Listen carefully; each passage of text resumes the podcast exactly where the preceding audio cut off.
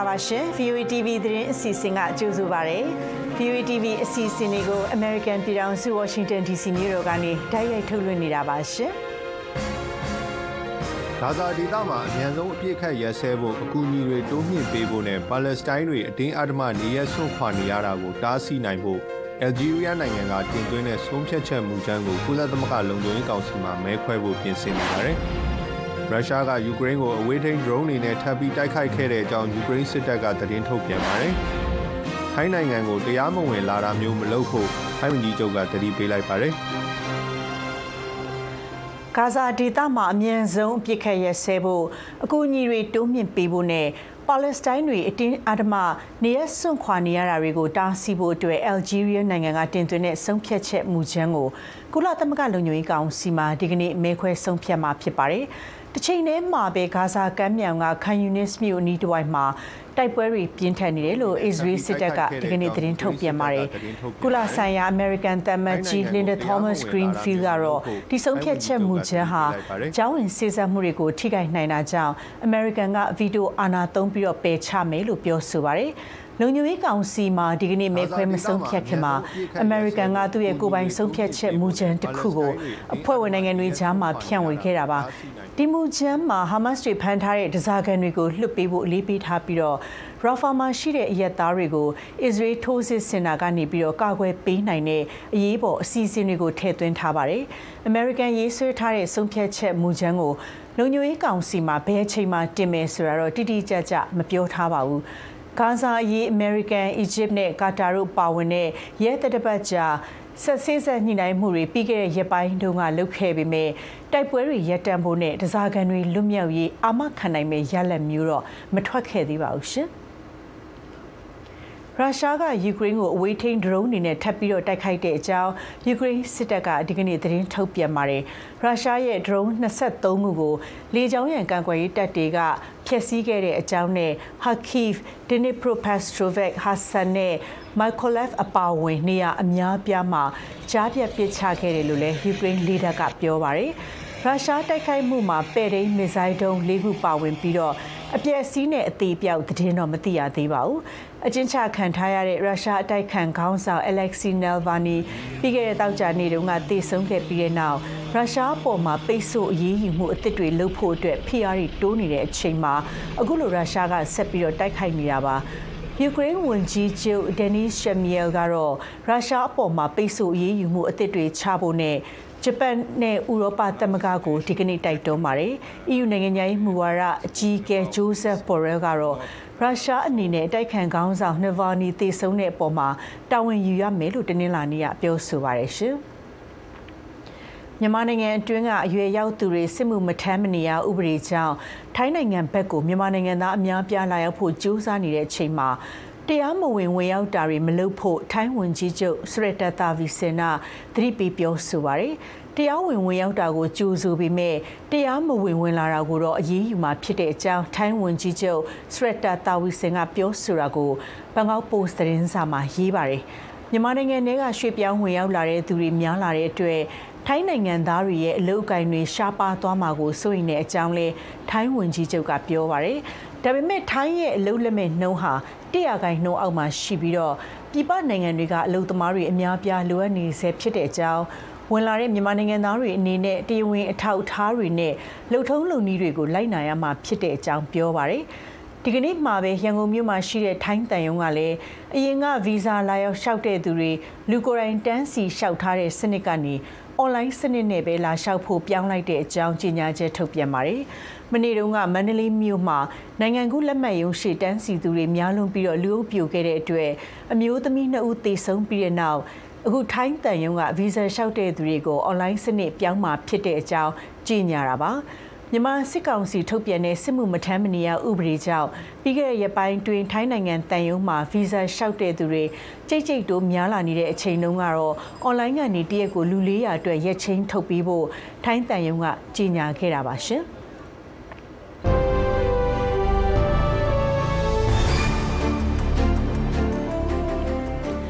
ကိုပိုင်အုပ်ချုပ်ခွင့်ရထိုင်ဝမ်ကျွန်းကခီးသည်တွေလိုက်ပါလာတဲ့အပျော်စီးသင်္ဘောတစ်စင်းကိုတရုတ်ကမ်းခြေဆောင်တပ်ကတနင်္လာနေ့ကကန့်ကတ်ခိုင်းပြီးတော့ဟန်တားခဲ့တာကို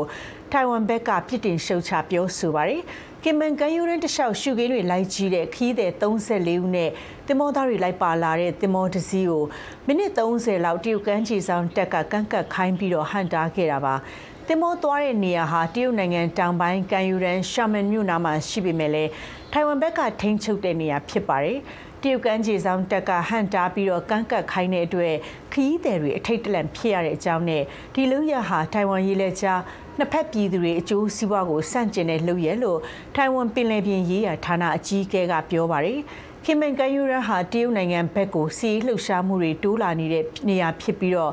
တိုင်ဝမ်ဘက်ကတော့တင်းမာမှုတွေရော့သွားအောင်ကြိုးပမ်းနေတဲ့အကြောင်းတိုင်ဝမ်ဝန်ကြီးချုပ်ချန်ချီချင်းကလည်းပြောဆိုပါတယ်။ပြီးခဲ့တဲ့ရက်ပိုင်းကတိုင်ဝမ်ကန့်သက်နယ်တွေကိုဝင်လာပြီးတော့ထွက်ပြေးတဲ့တရုတ်ငါးပန်းတင်မောဒဇင်းတိမ်မှောက်ပြီးတော့တရုတ်ငါးဖမ်းသမား2ဦးရင်းနှီးသိဆုံးခဲ့ရတယ်လို့တခြား2ဦးကိုတိုင်ဝမ်ဘက်ကဖမ်းဆီးခဲ့တာပါ။ဒီဖြစ်ရဖြစ်ခဲ့ပြီးနှစ်ရက်အကြာတရုတ်နိုင်ငံဘက်ကကင်မန်ကန်ယူရဲအနောက်ဘက်မှာရေရက်ကင်းလှည့်တာတွေတိုးပြီးတော့လှုပ်သွားမယ်လို့ကြေညာခဲ့ပါတယ်ရှင်။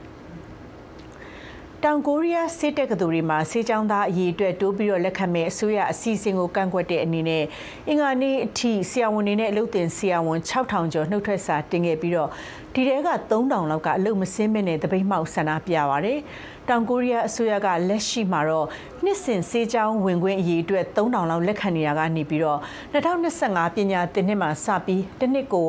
2000ထပ်ပြီးတော့တိုးလက်ခံဖို့ဆုံးဖြတ်ခဲ့တာပါအစိုးရရဲ့ဒီအစီအစဉ်အရဆယ်စုနှစ်အတွင်းမှာဆရာဝန်အရေးအတွက်ဟာ1000ကျော်ပိုလာမှဖြစ်ပြီးတော့မလိုအပ်တဲ့ဆေးဘက်ဆိုင်ရာလှုပ်ထုံးလုပ်နည်းတွေနဲ့အမျိုးသားကျန်းမာရေးအာမခံအစီအစဉ်မှာထိခိုက်နိုင်တယ်ဆိုပြီးလက်ရှိဆရာဝန်တွေနဲ့အလုပ်သင်ဆရာဝန်တွေကဆန္ဒပြနှုတ်ထွက်စာတင်တာဖြစ်ပါတယ်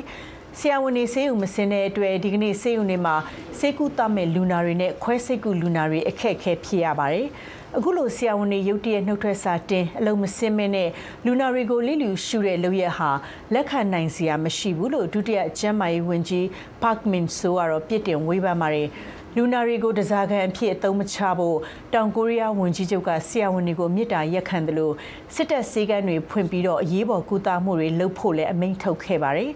တောင်ကိုရီးယားမှာ2022ခုနှစ်စီးရင်အရ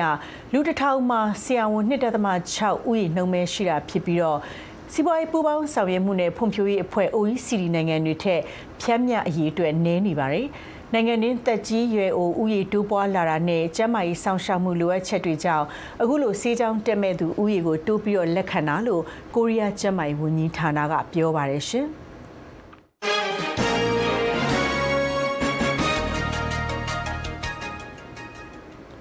င်ကာပူနိုင်ငံမှာနှစ်နှစ်တခါကျင်းပတဲ့အာရှဒေသရဲ့အကြီးမားဆုံးလေကြောင်းပြပွဲကိုဒီကနေ့စတင်လိုက်ပြီးတော့တိုက်လေယာဉ်တွေအရက်ဖက်သုံးလေယာဉ်တွေခေါင်းကင်မှာပြန်ဝဲပြီးတော့ပြသခဲ့ပါတယ်။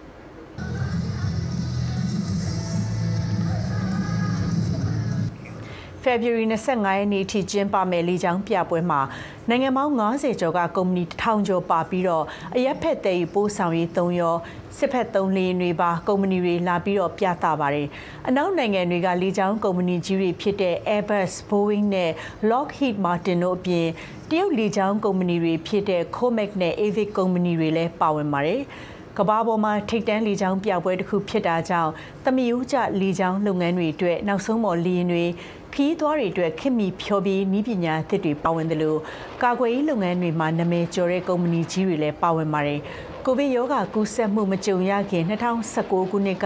အခြေအနေနီးပါးလေကြောင်းခီးသွားမှုတွေပြန်ပြီးတော့ဥမော့လာပြီးတဲ့နောက်မှာအာရှမှာဒါဟာပထမဆုံးပြန်ကျင်းပတဲ့လေကြောင်းပြပွဲလေးဖြစ်ပါတယ်။ဒါပေမဲ့လင်းထုတ်လုပ်တဲ့ကုမ္ပဏီကြီးတော်တော်များများကတော့အင်ဂျင်ချိုရင်းနာလောအားရှော့ချခဲ့ရတာထုတ်လုပ်မှုရည်သွေးစမ်းမမီတာစတဲ့အခက်အခဲတွေနဲ့တော့လုံးပန်းနေရဆဲဖြစ်ပါတယ်ရှင်။ မနေ့တုန်းကကြာရောက်တဲ့ American ပြည်ထောင်စုသမရများနေ့ကို Washington မြို့တော်နာက Virginia ပြည်နယ် Alexandria မြို့ဟောင်းမှာယာနဲ့ချီတဲ့သူတွေရှေ့ခေတ်စစ်မှုထမ်းဝတ်စုံတွေဝတ်ဆင်ပြီးတော့ဘန်ခရာတီဝိုင်းနေနဲ့ချီတက်ပွဲကျင်းပအကုန်ပြုပါတယ်။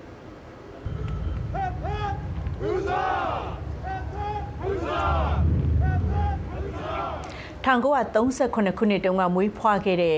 American ပြည်ထောင်စုရဲ့ပထမဆုံးသမ္မတကြီး George Washington ရဲ့မွေးနေ့ကိုဂုဏ်ပြုပြီးတော့နှစ်စဉ် American သမ္မတတွေကိုဂုဏ်ပြုတဲ့ President Day သမ္မတများနေ့ဖြစ်အခမ်းအနားတွေကျင်းပလိရှိပါတယ်။ဒီနှစ်အခမ်းအနားဟာ Virginia ပြည်နယ်မှာတရားတစ်ချိန်မြောက်ကျင်းပတဲ့အခမ်းအနားလည်းဖြစ်ပါတယ်။ George Washington ကို Virginia ပြည်နယ် Potomac မြစ်ကမ်းဘေး Westmoreland County မှာ1932ခုနှစ် February 17ရက်နေ့ကလယ်မြေပိုင်ရှင်ချမ်းသာကြွယ်ဝတဲ့အတိုင်းဝိုင်းကနေမွေးဖွားခဲ့တာပါ နက်ခတ်ပြက်ကလေးကိုသုံးတဲ့နှစ်လကိုအခြေမခံပဲရက်တစ်ခုတည်းသာရည်တွက်တဲ့ရှေးဟောင်းဂျူလီယန်ပြက်ကလေးအရာ သူ့မွေးနေ့ကို February 17ရက်သတ်မှတ်ခဲ့ပေမဲ့လည်းနောက်ပိုင်းမှာတော့ခရီးယန်ပြက်ကလေးလို့လူသိများတဲ့အနောက်တိုင်း Gregorian ပြက်ကလေးအရာ1952ခုနှစ်မှာပြောင်းသတ်မှတ်ပြီးတော့17ရက်ထပ်တိုးလိုက်တဲ့အတွက်သူ့ရဲ့မွေးနေ့ကို February 22ရက်ဖြစ်ပြောင်းပြီးတော့သတ်မှတ်ခဲ့တာပါဒါကြောင့်နှစ်စဉ် February ရဲ့တတိယတနင်္လာနေ့တိုင်းကိုသမရများနေ့ဖြစ် American ပြည်ထောင်စုမှာသတ်မှတ်ဂုဏ်ပြုပြီးတော့1889ခုနှစ်နောက်ပိုင်း Washington မြို့တော်ရှိတဲ့ Columbia ခရိုင်မှာ Federal အစိုးရအားလည်းရဲ့ဖြစ်သတ်မှတ်ခဲ့ပါတယ်ရှင်။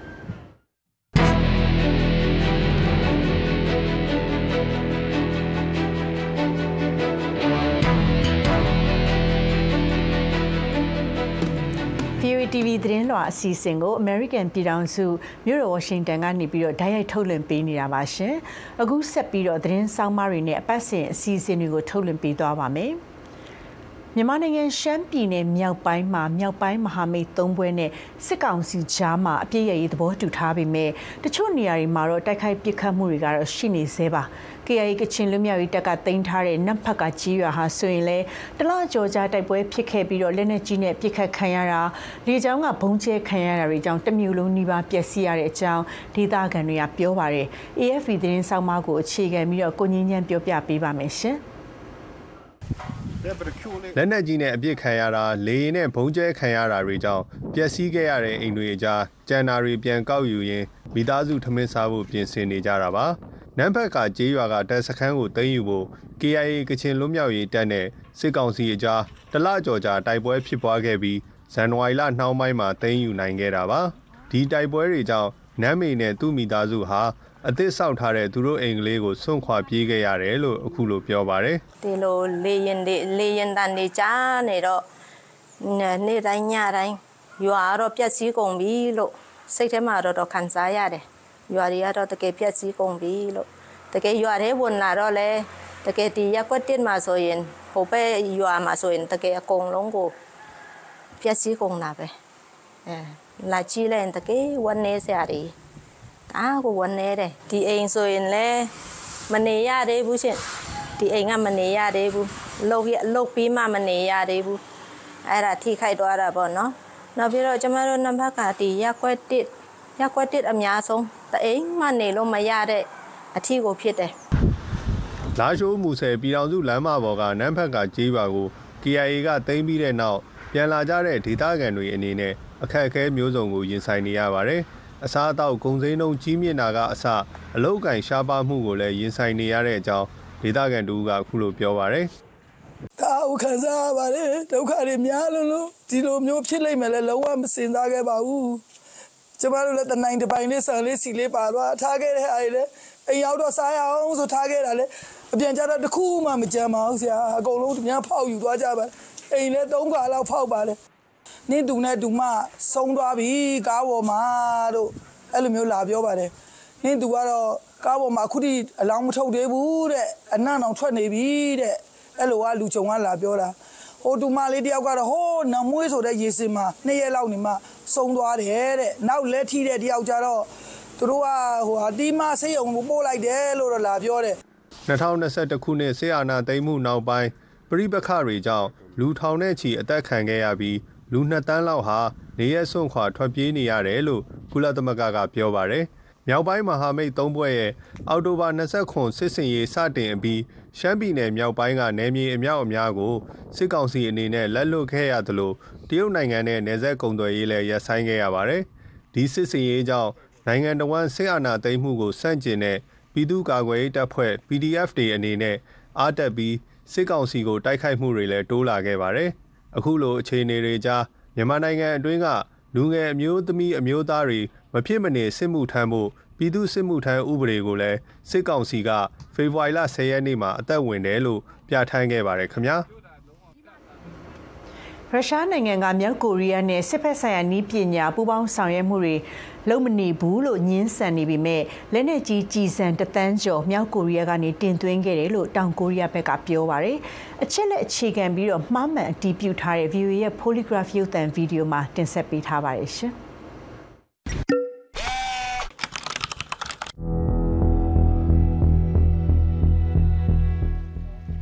နိုင်ငံဟာမြောက်ကိုရီးယားနဲ့စစ်ဖက်ဆိုင်ရာနည်းပညာပူးပေါင်းဆောင်ရွက်မှုတွေလုပ်မနေပါဘူးလို့ရုရှားနိုင်ငံသားရေးဌာနပြောခွင့်ရအမျိုးသမီးမာရီယာဇက်ကာရိုဗာက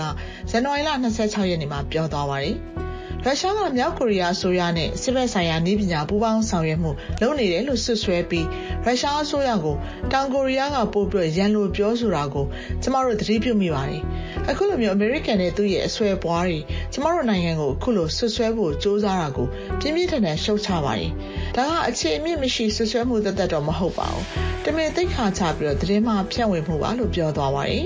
။ဒါမဟုတ်ပါဘူး။ ရုရှားကယူကရိန်းကျူးကျော်စစ်မှာတုံးတဲ့ကြီးတွေအပါအဝင်လက်နက်ကြီးကြီးစံတသန်းကျော်မြောက်ကိုရီးယားကနေပြီးတင်သွင်းခဲ့တယ်လို့တောင်ကိုရီးယားကပြောပါတယ်။ရုရှားဟာစစ်ဘက်ဆိုင်ရာနည်းပညာပူးပေါင်းဆောင်ရွက်မှုတိုးမြင့်လှုံ့ဆော်မှုမြောက်ကိုရီးယားနဲ့ဆွေးနွေးပွဲတွေရှိခဲ့တယ်လို့သမ္မတပူတင်နဲ့တခြားရုရှားအစိုးရထိပ်ပိုင်းခေါင်းဆောင်တွေစစ်တပ်ခေါင်းဆောင်တွေလူသိရှင်ကြားအတည်ပြုထားတာပါ။ မြောက်ကိုရီးယားခေါင်းဆောင်ကင်ဂျုံအွန်းပြီးခဲ့တဲ့စက်တင်ဘာမှာရုရှားအရှေ့ပြောင်းကိုတွားရောက်ပြီးတော့သမ္မတပူတင်နဲ့တွေ့ဆုံစစ်ဘက်ဌာနတွေကိုတွားရောက်ပြီးတော့ကြီးစုခဲ့ပါတယ်။မြောက်ကိုရီးယားစီကနေပြီးတော့ရုရှားကစစ်ရေးကိရိယာနဲ့ခဲယမ်းကုန်တွေသစ်တာတထောင်ကျော်ဝယ်ယူခဲ့တယ်လို့အမေရိကန်အမျိုးသားလုံခြုံရေးကောင်စီကဂျွန်ကာဗီကမနစ်ကအောက်တိုဘာလမှာပြောသွားတာပါ။မြောက်ကိုရီးယားကစစ်ရေးကိရိယာနဲ့ခဲယမ်းတွေလာပို့နေတဲ့ဂျိုးကရိုက်ကူးထားတဲ့ပုံတွေကိုအိမ်ဖြူတော်ကပြပါတယ်။ ယူကရိန်းနိုင်ငံအရှေ့ခြမ်းဟေကိဗ်မြို့ကိုဇန်နဝါရီလ2ရက်နေ့မှာရုရှားပစ်လိုက်တဲ့ဒုံးကျည်အပိုင်းအစတွေကိုကြည့်တော့မြောက်ကိုရီးယားဒုံးကျည်အမျိုးအစားနဲ့ထပ်တူဖြစ်နေတာတွေ့ရတယ်လို့မြောက်ကိုရီးယားစစ်ဖက်ဆိုင်ရာကျွမ်းကျင်သူ Dutch ပညာရှင် Yats Olimans က Reuters ကိုပြောပါတယ်ရှင်။ ရုရှားဟာမြောက်ကိုရီးယားကနေပြီးတော့ပဲ့ထိန်းတပ်ဒုံးကျည်တွေရရှိနေပြီးတော့ယူကရိန်းစစ်ပွဲမှာအသုံးပြုနေတယ်လို့ဆွဆွဲထားတဲ့ကြေညာချက်ကိုအမေရိကန်ကနေဒါဗြိတိန်ဂျာမနီပြင်သစ်အီတလီဩစတြေးလျနဲ့ဂျပန်ပါဝင်နိုင်ငံပေါင်း90ကဇန်နဝါရီလ9ရက်နေ့မှာလက်မှတ်ထိုးပြီးတော့ကြေညာချက်ထုတ်ပြန်ထားပါတယ်။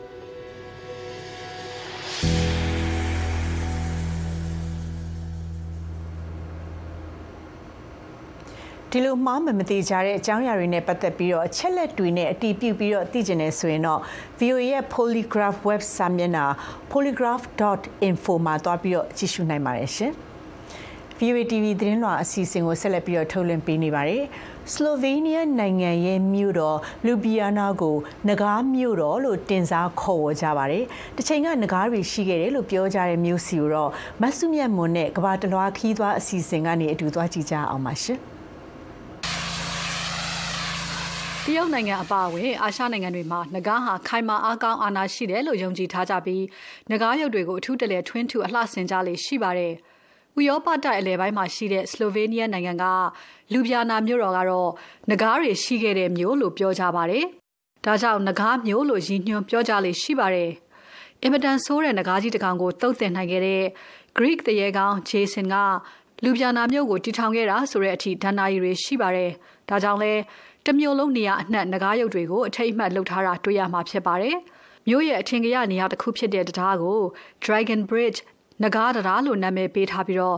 တရားတောင်လေးဘက်မှာနဂါးကြီးတွေကစောင့်ကြပ်နေတယ်လို့ရုပ်ထုကြီးတွေကိုလှုပ်ထားပါတယ်။လူပြာနာမြို့တော်ကိုစားပြုအမှတ်တစိမ့်နဲ့အလံမှာဆိုရင်လည်းခိုင်မာမှုရဲစွမ်းတတ္တိရှိမှုတွေကိုကိုစားပြုတဲ့နဂါးပုံကိုထည့်သွင်းထားပါတယ်။တစ်ချိန်လုံးကဥရောပမှာ Roman Catholic ဘာသာလွှမ်းမိုးခဲ့တာနဲ့အတူအဲ့ဒီနိုင်ငံတွေမှာဆိုရင်လည်း သူတော်စင် Saint George ကငကားကြီးတစ်ကောင်ကိုတုတ်တင်နိုင်ခဲ့ပုံတွေကိုရှေးဟောင်းစာပေတွေပကြီးတွေမှာမြင်တွေ့ရလေရှိပါတယ်။ဒါပေမဲ့လူပြာနာမြို့မှာတော့ Greek တရေကောင်း Jason ကအင်ပတန်ဆိုးတဲ့ငကားကြီးကိုရှင်းလင်းပစ်ခဲ့ပြီးအခုလူပြာနာဖြစ်နေတဲ့မြို့ကိုတည်ခဲ့တာလို့ယုံကြည်ထားကြလို့ငကားကိုအမှတ်အသားလှုပ်ထားတာဖြစ်တယ်လို့လူပြာနာမြို့ပြတိုင်းမှုကရှင်းပြပါတယ်။ Saint George is a saint who killed a dragon with spear သူတော်စင် George ကနဂါးကြီးကိုလှန်ချွန်နဲ့တက်ခဲ့သူဖြစ်ပါတယ်။ဒါကြောင့်ဥရောပမြို့တော်တော်များများမှာကက်သလစ်သူတော်စင် George ကိုဂုဏ်ပြုထားတဲ့ငကားရုပ်သင်္ကေတတွေမြင်တွေ့ရမှာဖြစ်ပါတယ်ဒါပေမဲ့ကျွန်တော်တို့လူဗီယာနာမြို့မှာတော့ငကားနဲ့ပတ်သက်တဲ့ဆက်နွယ်မှုသင်္ကေတတွေကိုတော်တော်လေးများပါတယ်မြို့ကိုကိုစားပြုတဲ့အမှတ်အသားတစ်စိမ့်မှာလည်းငကားရုပ်ပါပါတယ်အားစားသင်းတော်တော်များများရဲ့အမှတ်တစိမ့်တွေမှာလည်းငကားရုပ်ပါပါတယ်ဟိုးရင်ကရောဒီနေ့အထိထုတ်လုပ်နေတဲ့ကွန်ပျူတာအမှတ်တစိမ့်တွေမှာလည်းငကားရုပ်ကိုထင်သာမြင်သာဖြစ်အောင်ထည့်ထားကြပါတယ် နဂါမျိုးတော်လို့တင်စားခေါ်ကြတဲ့အတွက်ကဘာလက်ခီးတွေအိမ်ပြန်လက်ဆောင်အမှတ်တရရောင်းဆိုင်တွေမှာလည်းနဂါရုပ်ပါတဲ့ပစ္စည်းတွေကနေရာယူထားတာပါလူပြနာမျိုးတော်ပြလိုက်ထဲမှာတော့နဂါနဲ့ဆက်ဆက်နေတဲ့ရှေးဟောင်းသမိုင်းအထောက်အထားတွေကိုပြသထားပါတယ်ဒီဒေသနဲ့ဆိုင်တဲ့ Slavic ဒဏ္ဍာရီတွေထဲမှာဒေသခံတွေကိုတပ်ဖြတ်နှောက်ယှက်နေတဲ့ငကားကြီးကိုသရဲကောင်းတယောက်ကတုတ်တင်တပ်ဖြတ်ခဲ့တယ်လို့ဖော်ပြထားပါတယ်။ Greek ဒဏ္ဍာရီတချို့ထဲမှာတော့ရွှေအစင်းရှိတဲ့သိုးတရီကိုအရခိုးယူနိုင်ခဲ့တဲ့ Greek တရေကောင် Jason နဲ့သူ့ရဲ့အပေါင်းပါသူရဲကောင်းတွေအိမ်ပြန်လမ်းမှာဒီနေရာကိုရောက်လာကြချိန်ဒီမှာချက်စားနေတဲ့ငကားကြီးကိုရှင်းလင်းပြီးတော့မြို့တည်ခဲ့တယ်လို့ပြောထားကြပါတယ်။ မြို့သမိုင်းပြလိုက်ထဲမှာတော့ရှေးခါတွေကငကားနဲ့ပတ်သက်တဲ့သင်္ကေတတွေအသုံးပြုခဲ့ကြတဲ့အထောက်အထားတွေကိုမြင်တွေ့ရပါတယ်။ Well, the story says that when the Argonauts traveled with the Golden Fleece home, ရွှေရောင်တိုးတရေရလာကြတဲ့ Greek သူရဲကောင်းတွေအိမ်ပြန်ကြရင်ကနေဒီနေရာရောက်လာကြတာလို့ဒဏ္ဍာရီထဲမှာပြောထားပါတယ်။အခုလူပြာနာမြို့ဖြစ်နေတဲ့နေရာကိုရောက်လာကြပြီး ယောမမြို့ဟောင်းဖြစ်တဲ့အီမိုနာမြို့ကိုကူညီတည်ထောင်ခဲ့ကြပါတယ်။ဒါပေမဲ့အီမိုနာမြို့မတည်ခင်အနားကစိတ်မြေမှာနေနေတဲ့နဂါးကြီးကိုအရင်တက်ပြီးတော့ရှင်းခဲ့ရပါတယ်။ဒါကြောင့်ကြောက်စရာကောင်းတဲ့နဂါးတရဝါကြီးကို Greek သူရဲကောင်းဂျေဆင်ကသူ့ကိုယ်တိုင်တက်ခဲ့တာလို့ရာဇဝင်တင်နေတာဖြစ်ပါတယ်။နဂါးတွေနဲ့လူပြာနာမျိုးဆက်ဆက်နေတဲ့ဆိုတဲ့ဇလန်းတွေက18ရာစုဘရော့ခစ်ထဲကစခဲ့တာဖြစ်နိုင်တယ်လို့သူကပြောပြပါတယ်။ ဒေသခံဒဏ္ဍာရီဇလန်းတွေနဲ့ရှေးဟောင်း Greek ဒဏ္ဍာရီတွေပေါင်းစပ်ပြီးတော့နဂါးဇလန်းဖြစ်လာတာဖြစ်နိုင်တယ်လို့လည်းပြလိုက်မှုကရှင်းပြပါတယ်။ The first time that we encounter a written uh, record of this legend that is လူပြနာမှာနဂါးကြီးနဲ့ Greek သူရဲကောင်းတွေအကြောင်းရေးထားတဲ့ဒန်နာရီသမိုင်းကိုပထမဆုံးတွေ့ရှိခဲ့တာက18ရာစုကဖြစ်ပါတယ်။အဲ့ဒီခေတ်ကလူပြနာမျိုးရဲ့ပညာရှိတွေကရှေးဟောင်းမှတ်တမ်းနှစ်ခုကိုတွေ့ရှိခဲ့ကြတာပါ။ ဂျေဆင်နဲ့သူ့နောက်လိုက်သူရဲကောင်းတွေကရှေးဟောင်းအီမိုနာယောမမျိုးဟောင်းကိုဘလို့တိဆောက်ခဲ့ကြတယ်လဲဆိုတာကိုယောမစာရေးဆရာနှစ်ယောက်600စုလောက်ကနေရေးထားခဲ့တဲ့မှတ်တမ်းတွေကိုတွေ့ခဲ့ကြတာဖြစ်ပါတယ်။အဲ့ဒီယောမဒန်နာရီတွေကနဂါးကြီးအကြောင်းကဒီဒေသမှာတည်ထားကြတဲ့ဆလာဗတ်ဒန်နာရီထဲမှာပါတဲ့လူပြာနာကနဂါးကြီးအကြောင်းနဲ့တွားတူနေတာကိုတွေ့ရပါတယ်။ တချိန်ကဒီနေရာမှာငကားတွေကျင်လည်ချက်စားခဲ့တယ်လို့ဒေသခံတွေယုံကြည်နေကြတဲ့လူပြာနာမျိုးမှာတရုတ်ငကား Chinese Dragon ဆိုတဲ့နာမည်နဲ့တရုတ်စားတောက်ဆိုင်လည်းရှိပါတယ်။ဒီဆိုင်ကတော့လူပြာနာမျိုးကငကားနဲ့မဆိုင်ပဲတရုတ်ဒဏ္ဍာရီတွေကငကားတွေကိုအစွဲပြုနာမည်ပေးထားတဲ့ဆိုင်ဖြစ်ပါတယ်။ငကားမျိုးမှာတရုတ်ငကားလို့နာမည်ပေးထားရတဲ့အကြောင်းဆိုင်ရှင်ကအခုလိုရှင်းပြပါတယ်။ Uh, v bistvu smo razmišljali nad tem, tudi ker imata iste značilnosti. ခိုင်မာအားကောင်းခြင်းနဲ့ကံကောင်းခြင်းတွေယူဆောင်လာတယ်လို့အတိတ်ပဲရတာမို့ကျမတို့စားတောက်ဆိုင်ကိုတရုတ်တကားလို့နာမည်ပေးထားတာဖြစ်ပါတယ်တရုတ်ပြက်ကလေးထဲမှာတခုပါတဲ့ငကားနှစ်ထဲရောက်လာတဲ့2024ခုနှစ်ဟာထူးခြားကံကောင်းတဲ့နှစ်ဖြစ်မယ်လို့လည်းတရုတ်လူမျိုးလင်းရှောင်ကယုံကြည်ထားပါတယ်။ Май заузаме помемно место в традиционални китайски изгодовини တရုတ်သမိုင်းနဲ့ယဉ်ကျေးမှုမှာငကားဟာတိတ်အရေးပါတာမို့တရုတ်ရိုးရာအယူအရဆိုရင်ငကားနဲ့ကတိတ်ထူးကြပါတယ်တရုတ်အင်ပါရာသမိုင်းမှာလည်းငကားဟာထူးခြားအရေးပါပါတယ်ငကားဆိုရင်အာနာနဲ့ကံကောင်းခြင်းကိုကိုစားပြုတယ်လို့ယုံကြည်ကြပါတယ် တရုတ်ပြက်ကလေးအရငကားနှစ်ရောက်လို့ဝမ်းသာနေကြချိန်တရုတ်နိုင်ငံနဲ့မိုင်ပေါင်းများစွာဝေးတဲ့ဥရောပတိုက်အလယ်ပိုင်းကစလိုဗေးနီးယားနိုင်ငံမှာတော့အရင်ထဲကငကားနဲ့ပတ်သက်တဲ့သင်္ကေတတွေကိုလူပြန်နာမြို့တော်မှာနေရာအနှံ့တွေ့ရပါတယ်။နိုင်ငံထွက်ကုန်ပစ္စည်းတွေအမှတ်တစိတ်တွေမှာကစလို့အများပြည်သူနဲ့ဆိုင်တဲ့နေရာတွေမြို့ရဲကအစာအုပ်တွေမှာငကားရုပ်တွေကိုထည့်သွင်းပုံဖော်ထားကြပါတယ်။စောင်းရသည့်ရောက်တိုင်းမှာလည်းငကားပွဲတော်ဆိုပြီးတော့နှစ်တိုင်းကျင်းပကြလေရှိပါတယ်ရှင်။ကျွန်မဆွေမြတ်မော်ပါ သတင်းမှန်တွေရဖို့အရေးကြီးတဲ့ဒီကနေ့ခေတ်မှာကမ္ဘာကြီးရဲ့ဘယ်ရက်ဒေတာမှာပဲရောက်နေပါစေခလုတ်တစ်ချက်နှိပ်လိုက်ရုံနဲ့သတင်းမှန်တွေရယူနိုင်ပါပြီ။လက်ဖျားလေးနဲ့တစ်ချက်တောက်ရုံနဲ့ရယူနိုင်မဲ့သတင်းတွေနိုင်ငံရေးဖြစ်စဉ်တွေတကယ့်ဘဝဆက်လန်းတွေ one click ခလုတ်တစ်ချက်နှိပ်ရုံနဲ့ကဘာရက်ရက်ကအတန်တွေကိုချိတ်ဆက်နားဆင်နိုင်မှာဖြစ်ပါတယ်။ဘယ်ချိန်ဘယ်နေရာကပဲဖြစ်ဖြစ် VOA Plus application ကို download ရယူပါ။ VOA TV သတင်းလွှာအစီအစဉ်ကိုမြို့တော်ဝါရှင်တန်ကနေပြီးတော့တိုက်ရိုက်ထုတ်လွှင့်နေပါတယ်ရှင်။နေထိုင်စည်းမြင့်လာတာနောက်ပြီးတော့ခလေးပြူစုစောင့်ရှောက်ခတွေမြင့်လာတဲ့အကြောင်းထိုင်ဝမ်သားတွေဟာခလေးမွေးဖို့ထက်အိမ်မွေးတရိတ်ဆန်တွေကိုပဲပို့ပြီးတော့မွေးဖို့စိတ်ဝင်စားလာကြတယ်လို့ထိုင်ဝမ်စီးပွားရေးသုတေသနစင်တာကဖော်ပြပါတယ်။အကဲခတ်တွေကတော့လာမယ့်2028ခုနှစ်မှာထိုင်ဝမ်မှာခလေးလူကြီးထက် အိမ်မွေးတရိษံအရေးအတွက်ကပိုများလာမယ်လို့ကြိုတင်ခန့်မှန်းနေကြပြီးတော့ဒါနဲ့ဆက်ဆက်တဲ့လုပ်ငန်းတွေဟာလည်းပိုပြီးတော့အမြတ်အစွန်းများလာနိုင်တယ်လို့ခန့်မှန်းကြပါတယ်။ AP သတင်းဆောင်မတပုတ်ကိုအခြေခံပြီးတော့ကိုစံကျော်ပြောပြပေးပါရှင်မြို့တော်ထိုင်ပေကဒီလိုပြပွဲမျိုးဟာလူငယ်လူရွယ်တွေကြားထဲမှာအိမ်မွေးတရိတ်ဆန်မွေးမြူတာတွေပုံမှုခစ်စားလို့လာတယ်ဆိုတာကိုဖော်ပြလို့နေတာပါဒါကလည်းကိုဘွားအတွက်အရေးပါတဲ့အိမ်မွေးတရိတ်ဆန် ခွေးလေးတွေကြောင်လေးတွေကိုနောက်ဆုံးပေါ် fashion design စင်မြန်းလိုကြသူတွေအတွက်ကိုလည်းဆွဲဆောင်မှုတစ်ခုဖြစ်လို့လာနေပါတယ်ထိုင်ဝမ်စီးပွားရေးသုတေသနစင်တာရဲ့လေ့လာတွေ့ရှိမှုအရဈေးကွက်ထဲမှာအိမ်မွေးတရိတ်ဆန်တွေနဲ့ဆက်ဆက်တဲ့ပစ္စည်းရောင်းဝယ်ရေးနဲ့ဝန်ဆောင်မှုလုပ်ငန်းတွေဟာလည်းနှစ်စဉ်တိုးပွားလို့လာနေပါတယ်။ဒါကလည်းဒီထိုင်ဝမ်ကျွန်းပေါ်ကအိမ်မွေးတရိတ်ဆန်ပိုင်ရှင်တွေအနေနဲ့ပြင်းပြအနေနဲ့အမေရိကန်ဒေါ်လာ900ဝန်းကျင်လောက်နဲ့ညီမျှတဲ့ထိုင်ဝမ်ငွေ2800ဝန်းကျင်လောက်ကိုသူတို့ရဲ့တရိတ်ဆန်တွေအတွက်အသုံးပြုလို့နေတာပါ။ စစ်တမ်းကောက်ယူမှုတွေအရကတော့အိမ်မွေးတရိတ်ဆန်ပိုင်ရှင်တွေတဲက81ရာခိုင်နှုန်းဟာအမျိုးသမီးတွေဖြစ်ကြပြီးအဲ့ဒီထဲက52ရာခိုင်နှုန်းကတော့ကလေးမရှိသူတွေနဲ့အိမ်တော်မရှိသူတွေဖြစ်ကြပါတယ်။တိုက်ပေမှာနေတဲ့အသက်26နှစ်အရွယ်မူဂျိုဆီယာမပက်ကီလီယူကတော့အိမ်မွေးတရိတ်ဆန်တကောင်ကိုထိန်းရတာကလေးတယောက်ထက်ကိုပုံမှုလွယ်ကူတယ်လို့ဆိုလာပါတယ်။ 不太生小孩。တကယ်လို့ဒီကမိသားစုအတော်များများမှာကလေးတွေအစားအိမ်ဝေးတရိတ်ဆန်တွေပဲရှိကြပါတယ်။ဒါကလည်းစီးပွားရေးအခြေအနေတွေကြောင့်လို့ကျွန်မထင်ပါတယ်ဥပမာအနေနဲ့ကျမဆိုရင်ဒီကြောင်လေးအတွက်ကိုကုန်ကျစရိတ်ကတစ်လကိုအမေရိကန်ဒေါ်လာ100ဝန်းကျင်လောက်ပဲရှိပါတယ်။ဒါပေမဲ့ကလေးတယောက်အတွက်ဆိုရင်တော့ရှင့်အနေနဲ့နေ့စဉ်စားရေးတောက်ရေးပညာရေးကျန်းမာရေးစတဲ့အတွက်ကိုငွေသုံးရတော့မယ်။အဲ့ဒါတွေအကုန်လုံးကတရိတ်ဆန်တကောင်မွေးတာထက်ကိုပိုကုန်နေရှင်။အ သက်46နှစ်အရွယ်ခွေးကဲ့ဆယ်စောင့်ရှောက်ရေးစေနာဝန်ထမ်း Evi Line ကလည်းကလေးငယ်တွေဟာအမြဲတမ်းမလိမ္မာသလိုပြောစကားလည်းနားမထောင်ကြဘူးလို့ဆိုလာပါတယ်။我觉得小孩就是不一定会孝顺，不一定会听话，那小孩会有很多的လူတွေအတွက်တော့ကလေးတွေကစိတ်နှောက်ယှက်ဖြစ်စရာဖြစ်ကောင်းဖြစ်ပါမယ်။ကျမတငယ်ချင်းတချို့မှာကလေးတွေရှိပါတယ်။အဲ့ကလေးတွေနေမကောင်းတဲ့အချိန်တို့ပြဿနာတစ်ခုခုဖြစ်တဲ့အချိန်မျိုးမှာဆိုရင်သူတို့တွေအနေနဲ့အတော်လေးကိုဒုက္ခရောက်ကြပါတယ်။ ပြီးတော့ထိုင်ဝမ်ပညာရေးစနစ်ကလည်းသိကောင်းတာမဟုတ်ဘူးလေဒါကြောင့်တချို့လူတွေကသူတို့ရဲ့ကလေးတွေကိုနိုင်ငံသားကိုလွတ်ပြီးပညာသင်ခိုင်းကြပါတယ်ဒါပေမဲ့အဲ့လိုလွတ်ဖို့အတွက်ကိုငွေကြေးလုံလုံလောက်လောက်ရှိဖို့တော့လိုတာပေါ့လေဟဲ့ကျင်းနေခါဟာ